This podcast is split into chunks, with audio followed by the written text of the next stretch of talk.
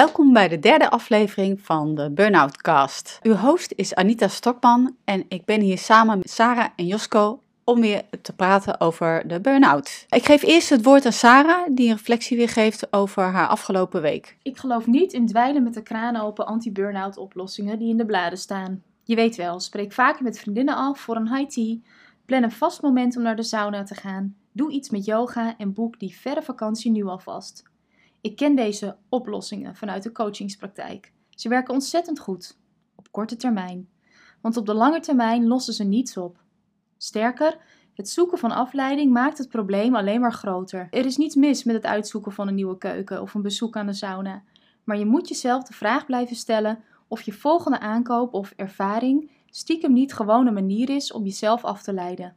Want één ding is zeker: je probleem is niet weg als je zelf terugkomt van een weekendje weg. Dankjewel. Dus eigenlijk wat je zegt, Sarah, is dat de korte termijn oplossingen, uh, het zijn maar pleisters. Doen eigenlijk niet zoveel. Nee. Maar wat dan wel? Denken aan de lange termijn. Hoe helpt dat wat ik nu doe? Uh, of dat wat ik nu geneigd ben te doen, hoe helpt dat me op lange termijn verder? En daar is eerlijkheid voor nodig. Ja, eerlijkheid? Naar wat? Naar wie? Om te beginnen naar jezelf. Op het moment dat je in de put zit, dan is dat eigenlijk hoe moeilijk het daar ook kan zijn, is dat wel een enorme kans om um, eens kritisch te kijken naar je leven en te besluiten hoe blij je bent en wat je wil veranderen. Ja. Nou, de, de, meestal trekken mensen pas aan de bel als het al te laat is, als ze in die burn-out zitten. Klopt. Maar uh, wat, uh, wat zou je mensen meegeven als ze merken van het gaat niet goed met mij, ik ben prikkelbaarder, ik slaap slechter. Ze zijn nog niet burn-out, maar ze zijn wel hard op weg hoe kun je het dan voorkomen? Hoe kun je het tij keren? Het interessante aan dat moment is dat je dan voor je gevoel een soort van vastzit en het onoverkomelijk is en je alleen nog maar kan blijven doorhollen. Maar dat, dat is niet zo. Dat voelt zo, maar dat is niet zo. Ja, eigenlijk neem je op dat moment je gedachten gewoon heel erg serieus. Als het je op dat moment lukt, eerlijk te zijn, om, om even stil te staan, dat is eigenlijk de eerste stap die je kunt zetten. Ga eens stilstaan en ga eens voelen. Dat, dat, ik, ik herken wel wat je zegt hoor, maar juist toen ik burn-out uh, dreigde te gaan, kreeg ik juist de neiging om er steeds meer gas op te zetten. Want ik zie het glip me door de vingers. Het laatste wat ik wilde doen was stilstaan. Dus ja. zo makkelijk is dat dus niet, wil je zeggen? Nou, ik, ik, ik, had, ik, had, het gevoel dat ik een trein was die, die zou ontsporen als hij op de rem zou gaan staan. Ja, dus ik dacht, uh, ja, ik, ik heb geen idee. Ik weet, uh... Heeft het je verder geholpen om door te gaan op dat moment? Nee, want ik ben drie keer burn-out gega burn gegaan. En uh, de afgelopen keer toen het opnieuw fout dreigde te gaan, toen had ik echt wel heel sterk het gevoel uh, dat het eraan zat te komen. Dus ik herkende bepaalde signalen en ik wist ook wat er zou gebeuren als ik niet eerlijk was uh, tegen mezelf. Dus dat maakte het wel makkelijker om. Uh, kijk, je lichaam fluit je terug in zekere zin. Dus mm -hmm. het was voor mij ook wel. het was geen keus meer om op de rem te tra trappen. En tegelijkertijd wilde ik echt heel graag dat, dat, dat, dat, dat zeg maar, dat, waar ik mee bezig was, dat het zou lukken. Ik was nog niet klaar om het los te laten, maar, maar ja, nou, dat, ik, ik dat kon niet anders. Dat klinkt wel heel logisch eigenlijk. En soms, hoe spijtig het ook is, moet je wel eerst de deksel op je neus krijgen. Maar wat, wat anders was dit keer was, uh, uh, ik was al heel sceptisch tegenover uh, zweverige dingen. Maar mindfulness heeft me wel ontzettend geholpen. En dat, dat heeft voor mij echt gewerkt. Dat is een groot onderdeel van mijn leven geworden. Ja, kun, kun je daar, hoe dan? Volgens mij was het in de vorige podcast of die daarvoor het voorbeeld genoemd dat ik op een gegeven moment op een parkeerterrein stond te hyperventileren en, en ik niet meer wegkwam. Um, ja, kijk, dat zijn typisch dingen uh, die je leert. Doorademen ook al uh, als, als het tegen zit. En dat zijn hele praktische dingen. Ik, uh, sinds een tijd douche ik wel eens koud. En ik geef wel eens het voorbeeld, als je koud, koud doucht, dan moet je die eerste seconde doorkomen. Dat betekent je adem stokt en het is een freeze. Je, je kunt even niks meer. En het enige wat, er, uh, uh, ja, het enige wat je kunt doen is je op die ademhaling uh, concentreren. En op een bepaalde manier forceer je eigenlijk een ademhaling je lichaam in. Maar na drie keer gaat het eigenlijk vanzelf. Eigenlijk hoor ik je ook zeggen, er waren signalen zoals die hyperventilatie. er zullen meer lichamelijke signalen zijn en misschien ook wel mentale signalen die Zeker. eigenlijk al waarschuwen dat, dat het niet goed met je gaat. Ja. Ja, ja, ja, ja. Een burn-out Wat kom je tegen? Ben je niet van de een op de andere dag. Een heel veel gehoorde is het totale gebrek aan energie. Um, dingen die je anders altijd heel erg leuk vond, niet meer leuk vinden. Ja, je hebt eigenlijk die neiging om onder die steen te gaan kruipen. Ja. En wat, wat eh, als ik eh, even aan mag toevoegen, wat ik zelf in de. Sorry, kikker in de stem. Wat ik zelf in de praktijk ook regelmatig eh, tegenkom, is slaapproblemen. Ja. En mensen zitten in een soort pathologische energie, maar zijn eigenlijk hyper en kunnen niet meer tot stilstand komen. Ja. En daardoor eh, draaien ze overdag nog wel door, maar s'nachts kunnen ze vervolgens niet slapen, omdat ze niet meer die rem op zichzelf kunnen vinden. Ja, die merk je, die zie ik ook heel veel. Gewoon inderdaad heel erg slecht sla- slapen, wat je natuurlijk sowieso ziet bij, eh, bij stress. Eh, of je valt wel in slaap, maar je wordt s'nachts wakker en je kunt weer heel slecht inslapen. Nou, vaak zie je dan ook dat het molentje weer begint te draaien van, oh, ik moet dit nog, ik moet dat nog. Bij mij begon het vaak met eh, overdag al eh, tijdens het werk met in mijn rechter schouder trok het dan op de pijn en mijn nek en dan kreeg ik hoofdpijn. Als ik dan thuis kwam, dan moest ik eigenlijk plat. Een soort migraine verschijnselen, daar kon ik ook echt niks meer verdragen. En op goede dagen dan, nou eigenlijk precies zoals Anita zei, dan ga je maar door en dan ben je eigenlijk niet meer te stoppen. Je hebt misschien ergens ook wel intuïtief het besef dat je, als je wel het gas terugneemt, dat er vragen komen die je eigenlijk niet wilt beantwoorden. Waar je nog niet klaar voor bent. En dat, ja, dat, dat maakt het toch wel eh, een heel complex geheel, zo'n eh, burn-out. Ja. Weet je, en eigenlijk is het zo wat jij zegt, hè? je bent een soort hamster in, in een rad. En ehm, vaak hoor je ook wel, eh, vaak zijn het gewoon ook de mensen om je heen die die signalen ja, oppikken en dat teruggeven aan jou. Zo van, goh, hey, volgens mij gaat het niet goed. Hè? Ik herinner mezelf nog een situatie in, mijn- in mijn werk. Nou ja, hè, dat Josko ook tegen mij zei van, joh, ehm, je moet nou echt wel eventjes wat gaan doen, want dit is gewoon niet oké. En Ja. zelf zag ik dat, terwijl het mijn werk is. Ja, Op dat ja. moment, ik wil dat ook niet toegeven. Ik wil Wat- dat gewoon ook niet loslaten. Wat ik soms van patiënten, we horen partners die dan zeggen, eh, je, je wordt prikkelbaar, eh, wat ben je onrustig. Ehm, ja, en, en eh, als mensen dan bijvoorbeeld een weekje vakantie hebben, eh, dan gaan ze nog allerlei sociale verplichtingen aan vanuit het idee van ja, normaal heb ik al geen tijd voor vrienden, familie, dan ga ik dat maar stoppen in die week dat ik vakantie heb. En dat is nou juist weer die extra prikkel die ervoor zorgt dat je niet herstelt en niet tot rust komt. Als ik uit eigen ervaring spreek, je hebt ook heel veel afleidingsmogelijkheden nu natuurlijk. Dus als je thuis komt en je hebt geen zin om in de rust te gaan, ja, dan pak je die telefoon erbij. Dus dat is natuurlijk ontzettend. eh, ja, t- als je erover nadenkt wat die mobiele telefoon is, er zitten verschillende communicatieplatforms op, op één device eigenlijk. Ja, Ja, hoe eh, ge- geprikkeld wil je worden? Je zet dat ding aan en, en het begint allemaal te draaien, van Instagram tot en met LinkedIn. Nou ja, Ja. vaak zie ik ook wel dat mensen die zo ver heen zijn, zeg maar, hè, die echt op een burn-out afstevenen, die zijn heel erg vaak, zitten ze op hun telefoon. Eigenlijk het enige wat je kan, nadat je die prestatie op je werk hebt geleverd, waar je echt al je energie in hebt moeten stoppen, is alleen nog maar dom scrollen, zeg maar, en die eyeball hours maken. Nou, ik heb heel wat eyeball hours gemaakt eh, op het moment dat ik op zo'n burn-out afsteef. Maar kijk, eh, dat is natuurlijk niets menselijk, eh, menselijks is ons vreemd. Kijk, als je kijkt naar de obesitas-epidemie, is in, in mijn optiek wel enigszins vergelijkbaar met een, een burn-out-epidemie. Dat heeft natuurlijk te maken met een eh, soort evolutionair lek. Wij zijn de nazaten van, van mensen die, die, die hielden van suiker en vet.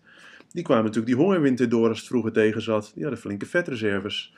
En net zoals onze evolutionair bepaalde behoefte aan suiker en vet, hebben we een evolutionair bepaalde behoefte aan, aan, aan- aan sociale contacten. Dus wij willen een veilig netwerk om ons heen. En de tegeltjeswijsheden zijn waar. Een, een, netwerk als je trampoline en je springplank in één. En wij, wij- ge- gevoelsmatig zit dat er heel sterk in. Als je ons een kans geeft om te communiceren met anderen, dan gaan we dat doen. En als je ons de kans geeft om te communiceren met honderd anderen op Facebook, dan gaan we dat zeker doen. En als er duizend zijn op Instagram, dan laten we die kans al helemaal niet voorbij gaan. Dus we, we leven in een, in, in een vreemde tijd. En social media is natuurlijk sowieso een eh, grenzeloze prikkel, die je ook eh, grenzeloos tot je kan nemen. Ja. Ehm, dus ja, enerzijds eh, kun je matig in social media gebruiken, maar anderzijds, wat, wat, wat, wat ook gewoon een gegeven is, als je minder energie hebt, eh, dan, dan moet je meer selecteren in welke mensen je nog wel energie steekt. Dus er zullen altijd in je netwerk mensen zijn die gewoon energie uit je zuigen omdat ze wat van je willen of altijd op een klagende manier praten.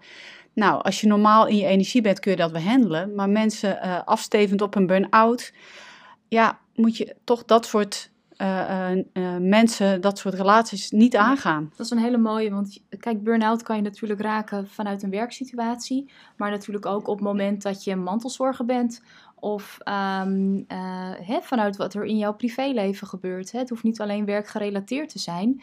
Het gaat erom dat je voor echt een lange periode roofbouw pleegt op jezelf. Dus het is heel mooi wat je zegt. Ga ook eens kritisch kijken ehm, naar wie de mensen zijn met wie je zoveel tijd spendeert. Misschien, ja. Vul Nou, ik, vroeg me af, misschien eh, kennen de luisteraars de, de, ru- de, de, Rule of Five? Hoe Ja. heet die? De, Rule of five. de Rule of Five, inderdaad. Je- Dat je verdergaand bepaald wordt als persoon door de, mensen, de vijf mensen met wie je het meeste tijd doorbrengt. Ze zeggen wel eens, laat me zien wie je vrienden zijn en ik vertel je wie je bent.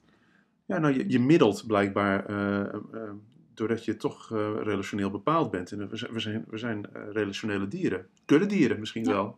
Maar dat is wel een mooie, dat is wel een, een hele praktische eh, oefening die je zou kunnen doen. Ga eens stilstaan, ik gebruik hem ook heel vaak eh, met mijn cliënten.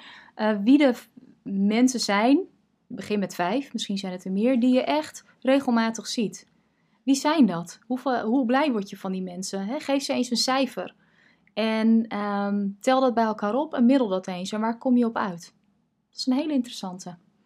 Nou ja, ik ben een perfectionist. Het is niet altijd makkelijk om eh, met mij te werken. Dus dat, dat, dat weet ik van mezelf. Dat ik mensen ook wel eens energie En dat is de, de meest ideale situatie, dat je dus die vijf mensen om je heen kan scharen. Eh, maar ja, in, in het leven zijn er nu eenmaal ook mensen, eh, misschien in een familie of schoonfamilie of eh, collega's, eh, mensen waarmee je eh, mee moet interacteren en waar je gewoon energie van weglekt. En vooral als je al eh, tegen de burn-out aan zit, zijn dat de mensen waar je eigenlijk van weg moet blijven. Nou, ja, dat is natuurlijk heel belangrijk om extra lief voor jezelf te zijn en extra goed voor jezelf te zorgen. Weet je, maar de andere kant van het verhaal is natuurlijk dat jij bent de enige die die burn-out kan doorbreken. En jij bent ook de enige die kan beslissen hoe jij je energie wil besteden. Ja, ja. En aan wie? En aan wat? Ja, het is natuurlijk een wisselwerking. Het zijn eh, zo- zo'n soort intrinsiek bepaalde factoren binnen degene die burn-out gaat. In de wisselwerking met, met de omgeving. Ik denk Ja. dat dat het natuurlijk is. Ik- Het is. Je hebt te maken met een, een grensoverschrijdende omgeving. Een zieke omgeving hebben we het vorige, vorige keer genoemd. Eh, en die zieke omgeving, die grensoverschrijdende omgeving, die ontmoet eigenlijk iemand die geen grenzen aan kan geven. Of moeite heeft om grenzen te trekken. Gewend is door te gaan. Ja, dan gaat het natuurlijk vroeg of laat, eh, ga je de mist in als individu. Ja, dat zijn vaak de perfectionisten, de mensen die het goed willen doen, de mensen die erkenning zoeken, eh, dat lang niet altijd krijgen, de mensen die altijd maar doorgaan, resultaten willen boeken. Ehm, en als je zo afhankelijk blijft opstellen van die omgeving, ja, dat is natuurlijk wachten tot het, eh, tot het te laat is. Ik kom dat ook tegen in, eh, in de CESAR-praktijk, waar nog patiënten behandel. Het, het, eh, het is voor mensen gewoon lastig om nee te zeggen, om eh, hun eigen behoeftes kenbaar te maken. Ja. Want daar gaat het eigenlijk ook om. Eh, Welke behoeftes heb je nou zelf om lekker in je vel te zitten? En dat te, te, te weten van jezelf. En dat ook te kunnen communiceren. Nou, dat is wel een hele mooie, die behoefte. En ehm, nou, om even de cirkel rond te maken van wat is nou zo'n ding wat je kunt doen. Dat je behoefte kun je alleen maar erkennen op het moment dat je ook in staat bent om weer te voelen. En juist de mensen die burn-out gaan, die kunnen eigenlijk heel goed voelen. Eh, die willen er alleen niet zo goed naar luisteren. Ja. Ehm, dus dat is een hele belangrijke en daar kan mindfulness bij helpen. Hè, zoals Josko ook al aangaf. En dat kan heel simpel door alleen eh, even te focussen op je ademhaling. Je even bewust te worden van de gedachten die je hebt. Of op te merken waar de spanning op dat moment in je lijf zit. En ehm, dat zijn maar kleine dingen. Maar eigenlijk de veranderingen zitten hem ook in kleine dingen. Want het kan ook praktisch gezien eh, bijvoorbeeld zijn, stel je hebt een vriendin op bezoek eh, en je bent na een half uur al gewoon helemaal moe, dat je ook aan kan geven dat, dat je het leuk vindt om bezoek te hebben of eh, een, contact te hebben, maar dat, dat, dat je gewoon het niet langer trekt en dat je dan ook dat stukje stopt in plaats van dat je het twee uur door laat gaan en daarna helemaal leeg bent. Nou, dat is inderdaad wel een hele leuke. Hè? Daarvoor moet je dus heel goed kunnen voelen ook weer. Opmerken dat, je, ehm, eh, dat het je leegtrekt en dat je op dat moment behoefte hebt aan rust. Want dat is eigenlijk wat je zegt. Eh, je geeft een alternatief voor een vervolg misschien. Ehm, en dat zijn dingen die jij zelf kunt doen. Hè? Verwacht niet dat anderen ruiken eh, hoe jouw vlag erbij hangt en wat nee, jij nodig nee, hebt. Nee, nee, want de m- mensen kunnen zich dat helemaal niet voorstellen. Dat, dat een, een, een dineetje met eh, acht mensen aan tafel, wat je normaal altijd super gezellig vond, nu in één keer een obstakel wordt. Omdat er te veel prikkels zijn en te veel mensen waar je aandacht aan moet geven. Dus in, in de situatie van eh, eh, wat lagere energieniveau is het waarschijnlijk fijner om met vier personen aan één tafel te zitten. Ik noem maar wat. Of niet. Ik Of niet. niet. Etentjes afzeggen. Ja, ik, heb- ik heb, ik, volgens mij ben ik een half jaar ondergedoken geweest tijdens eh, eh, mijn tweede of derde burn-out. Ik kon dat echt niet opbrengen om eh, eh, überhaupt ergens te zijn waar ik niet kon weglopen op het moment dat ik daar Nee. behoefte aan had. Nou, en dat is inderdaad wel waar, want eigenlijk ben je, ehm, je bent jezelf opnieuw aan het uitvinden. En op het moment dat je dan ook nog wordt afgeleid, zeg maar, tussen de meningen, door de meningen van anderen en de behoeften van anderen, is dat wel heel erg moeilijk. Hè? Ja. Je, je komt door een, door een burn-out omdat je het niet zo handig aanpakt. En dan verwacht je zelf dat je dat op dat moment al ehm, eh, die verandering kunt toepassen. Maar dat, dat is best wel moeilijk. En eigenlijk gaat het erom dat je in eerste instantie weer ruimte gaat creëren door jezelf. Voor jezelf. En dan pas je wellicht even niet in je eigen zelfbeeld van gezellig persoon die altijd overal voor in is en bij alle familiedagen of uitjes eh, aanwezig is. Ja, dan, dan is het misschien praktischer om het gewoon eens af te zeggen of eh, korter te blijven. Dat zijn praktische manieren om te dealen met een lager energieniveau. Ja, en wat wel een hele mooie praktische oefening eh, ook hierin is. ehm, hè, net noemde ik al even eh, die mindfulness oefening. eh, inchecken bij jezelf eigenlijk.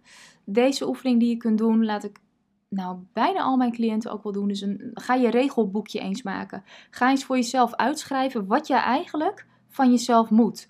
Hou dat eens een week bij. Nou, dat zijn vaak eh, hele boekwerken, kan ik je vertellen. Ja. Die eigenlijk voorkomen dat jij ehm, dat je zelf ruimte geeft. Want vaak ben je dan alleen maar bezig om het goed te doen. En ik moet dit en ik moet dat en ik moet zus en ik moet zo. En dat maakt allemaal dat je die hamster in dat rad blijft. Dat zijn zeg maar de normen die jouw waarden beschermen. Alleen die normen zijn op een gegeven moment dan losgezongen van de achterliggende waarden. Precies. Dus in het geval van mijn eh burn-out, creativiteit was weg. En dan als perfectionist ging ik van allerlei dingen verzinnen die, die ik allemaal moest van mezelf. Maar die eigenlijk niks meer te maken hadden met die creativiteit, die, die, die ontbrak. En, en tegelijkertijd, nu we het hier zo over hebben, bedenk ik me ook dat ik eh, sommige van mijn meest intense en mooie ervaringen heb beleefd, juist tijdens zo'n eh, burn-out. Je ze noemde al eerlijkheid is eh, heel belangrijk, eerlijk zijn voor jezelf. Nou, daar kun je gewoon niet meer omheen op zo'n moment. Maar vert- vertel eens, hoe werkte dat voor jou? Nou, dat, dat stukje van jezelf opnieuw uitvinden, dat is natuurlijk een heel kwetsbaar en het ook. Ehm, je kunt niet zeggen: ik kom niet naar een verjaardag terwijl jij daar altijd kwam. Ja, niet, gaf het Mhm. voorbeeld al aan. Je kunt niet zomaar wegblijven als je die dineetjes met z'n achter altijd leuk vond. Dus het vergt ook dat je op een nieuwe manier verbinding, verbindingen aangaat met mensen vanuit een nieuwe kwetsbaarheid. En ik moet zeggen, dat heeft me ook, eh, ook, ook wel heel veel gebracht. Ja. Ja. wat dan? Wat heeft het je gebracht? Kun je daar een concreet voorbeeld van geven? Nou, begrip van soms hele onverwachte, uit hele onverwachte hoeken. Ik heb tijdens die burn-outs vrienden verloren waarvan ik had gedacht dat ze er altijd voor me zouden zijn. En tegelijkertijd heb ik vriendschappen gesloten met mensen van wie ik dat nooit verwacht had. En Ja. dat, dat ja, ik heb, ik, ik, waar moet ik beginnen? Ik heb mijn hele Siets im Leben, eh, zoals ze in Duitsland zo mooi zeggen, is, is er door veranderd. Ik heb door eh, andere ogen naar mezelf leren kijken en misschien ook naar de wereld. Nou, dat vind ik he- wel heel erg mooi dat je dat zegt. Want dat is ook vaak wat ik tegen de mensen zeg die plaatsnemen in de stoel tegenover mij. Van, ehm, ik wil je eigenlijk feliciteren met die burn-out. Want ehm, je mag er dankbaar voor zijn. Want dit is een, een, zo'n ongelofelijke kans om eh, te leren van jezelf. eh, wat niet goed ging, wat niet werkt voor jou. En jezelf opnieuw uit te vinden. En dat is een ongelooflijk zwaar proces. En tegelijkertijd is het een ongelooflijk mooi proces. Eigenlijk word je uit die rijdende trein gesleurd Ja. en kun je dan pas zien hoe snel de trein rijdt. Omdat Exact. je afstand Ja. neemt. En misschien kun je ook het, de, de, de richting van de trein pas bepalen op het moment dat je eruit stapt. En kun je ook dan zien, hé, hey, ik ben vertrokken vanuit mijn waarden. Eh, en, en, en waar gaat die trein eigenlijk heen? Ja, zolang je erin zit, zie je dat natuurlijk niet. Dan moet je echt eh, voor, afstand nemen. Kijk, een burn-out vraagt gewoon fysiek herstel. Eh, soms duurt een burn-out wel een jaar. Het, het, het, Ja, hè, de, ja. het hangt er vanaf in hoeveel tijd je hem hebt opgelopen. Ja. En eh, ja, of je op tijd ook weer stopt. Dus daarom ook deze aflevering is het zo belangrijk om al te herkennen. eh, ik, ik, ik dreig uh, overspannen te worden. Overspannenheid is vaak de fase voor de burn-out. En hoe kan ik het dan nog ten goede keren? Wat werkt voor jou, Anita? Hoe ga ik met spanning om? Uh, ik, ik ga eindeloos wandelen. Ja, dat werkt voor mij. Ik, ik zal niet zo snel stilzitten in mindfulness. Maar bij mij werkt het om te wandelen. Of, Je kunt ook heel mindful wandelen natuurlijk. Ja, precies. Ja, koken, um, fotograferen. Dus dat is ook buiten zijn en letterlijk stilstaan bij dingen zonder taal, zonder interactie. Dat zeg je dat mooi, ja.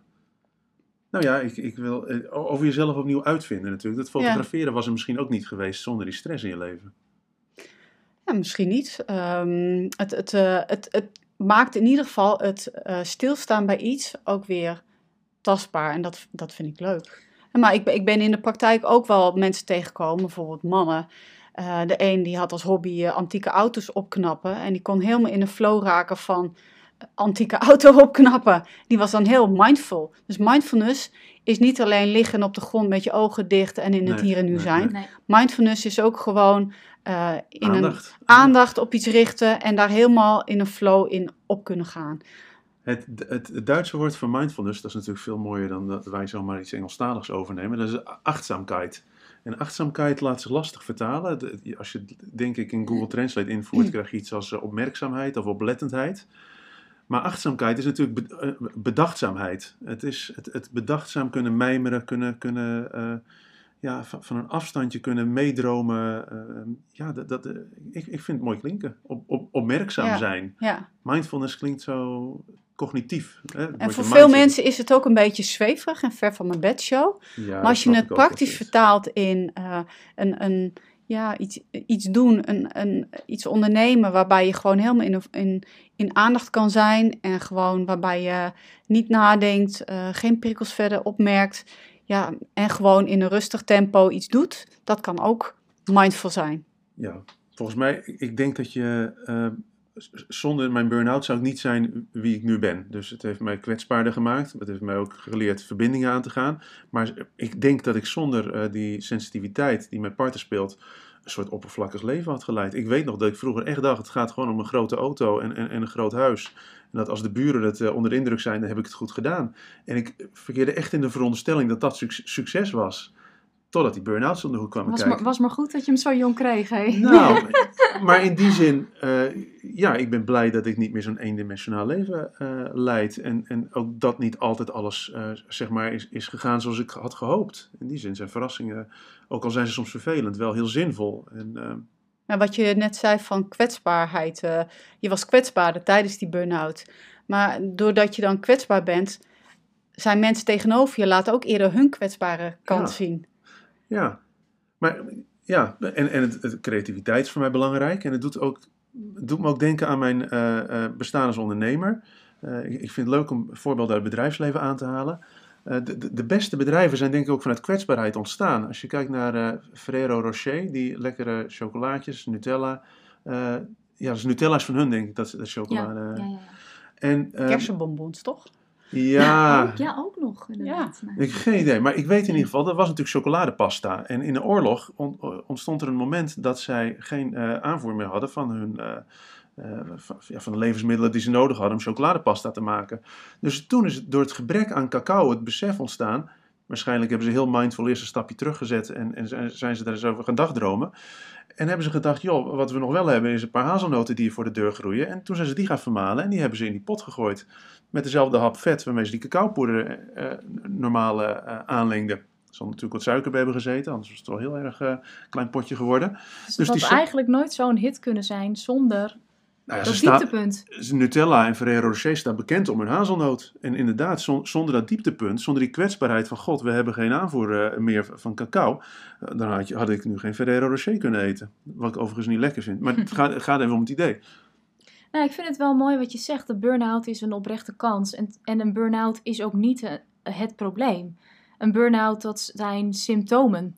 En dat wordt veroorzaakt deels door omgevingsomstandigheden en deels door omstandigheden in jezelf die tot botsing komen. Ah, je dus neemt jezelf mee natuurlijk. Je neemt jezelf dat, mee. Dat, dat, dat, was het voor mij lastige. Ik had uh, uh, mijn eerste burn-out begin twintig. En uh, ja, ik, ik, ik veranderde van baan. Toen dacht ik, eh, nu, nu, nu ben ik er vanaf. Het lag, lag aan de wereld, niet aan mij. Nee, Maar ja, zo simpel was het blijkbaar dan moest het ook drie keer gebeuren.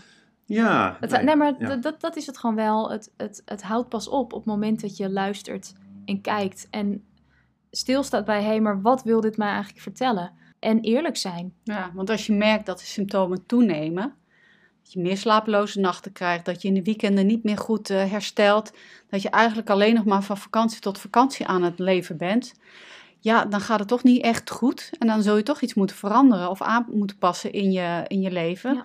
om het, het tijd te keren. Precies. Want anders steef je zo eh, rechtstreeks uit op een eh, burn-out. Ja, de Ik- vraag is hoe je zeg maar weer van overleven, hè, want die trein, het is toch wel echt wel die overlevingsstand, Ja, weer naar leven toe kunt gaan.